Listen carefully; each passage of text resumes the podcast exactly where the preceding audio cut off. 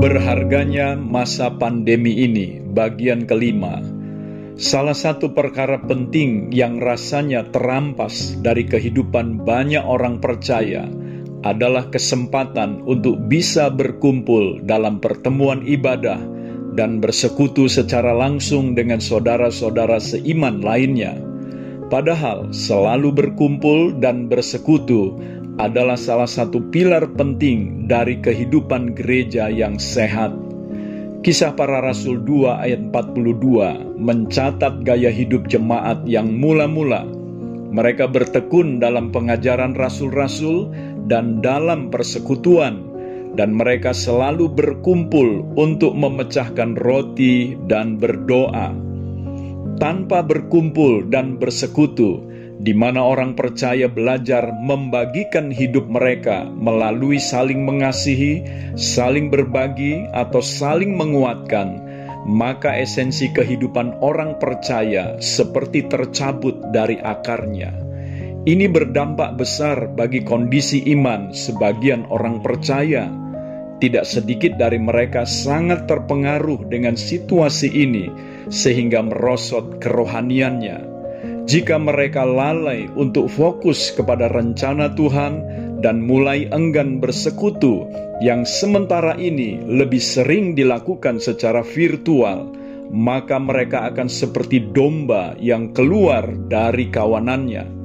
Ketika pandemi COVID-19 ini baru saja merebak di Indonesia sembilan bulan lalu, hampir tidak ada yang menduga bahwa pandemi ini akan berlangsung lama saat itu, banyak orang percaya berharap bahwa tidak lama lagi mereka akan dapat berkumpul dan bersekutu kembali, beribadah bersama-sama seperti sebelumnya.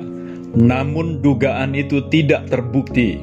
Pandemi terjadi seperti gelombang yang semakin besar.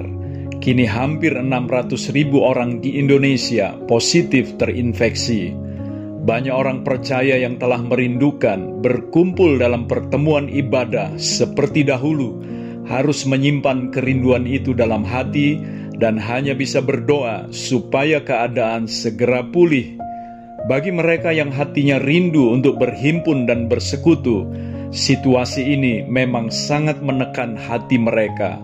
Tetapi bagi sebagian yang lain, situasi ini justru membuat mereka larut dan mengabaikan sama sekali hal berkumpul dan bersekutu sebagai bagian dari kewajiban mereka sebagai anggota tubuh Kristus. Banyak yang tidak lagi hadir dalam pertemuan komsel, dan beberapa yang lain tidak peduli dengan keadaan anggota jemaat yang lain.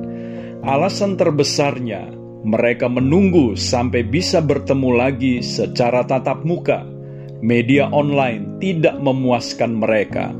Bagi saya, ini sebuah ironi karena di tengah situasi pandemi ini, persekutuan orang percaya seharusnya semakin solid. Menyangkut ibadah secara virtual, seorang rekan hamba Tuhan berkata, "Jangan mengharapkan situasi yang ideal seperti sebelum pandemi ini terjadi. Jangan berkata, Ah, tidak enak beribadah secara online di rumah bersama keluarga sendiri. Rasanya kurang afdol kalau tidak bertemu langsung dengan saudara seiman lainnya. Kalau Tuhan sedang izinkan situasi seperti ini terjadi, mari kita belajar menerimanya dengan syukur. Manfaatkan apa pun media yang bisa digunakan untuk kita berkumpul beribadah raya, bersekutu dalam pertemuan komsel, atau melakukan pemuridan. Tuhan punya maksud baik dengan semua ini.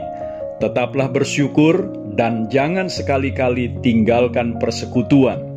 Intinya, jangan sampai pandemi ini menghalangi kita untuk berkumpul dan bersekutu, walaupun harus dilakukan secara virtual kita sendirilah yang menentukan nilai pertemuan kita, nilai ibadah atau persekutuan kita tersebut, supaya tetap sama dengan ketika kita bertemu secara tatap muka di rumah ibadah. Caranya bagaimana? Yang pertama, berdoalah sebelum pertemuan ibadah atau komsel secara virtual dilakukan. Yang kedua, perhatikan cara kita berpakaian dalam pertemuan tersebut. Yang ketiga, dengarkan renungan firman Tuhan dengan sungguh-sungguh dan jangan sambil mengerjakan hal-hal lain. Yang keempat, jangan lupa untuk memberikan persembahan sebagai tanda syukur dan terima kasih kita kepada Dia. Lakukan hal itu juga dalam pertemuan komsel kita. Saudaraku, jangan tunggu situasi menjadi ideal seperti keinginan kita. Jangan pasif menunggu pandemi ini berlalu. Lakukan saja apa yang harus kita lakukan sebagai orang percaya kita memang sedang berada dalam momen kritis yang mengandung rencana Allah yang besar bagi gerejanya. Roh Kudus akan menolong kita melewati situasi ini, dan kita akan bersinar di tengah kegelapan dunia ini. Saya Theo Barahama, mari hadirkan sorga di rumah kita untuk memberkati dunia.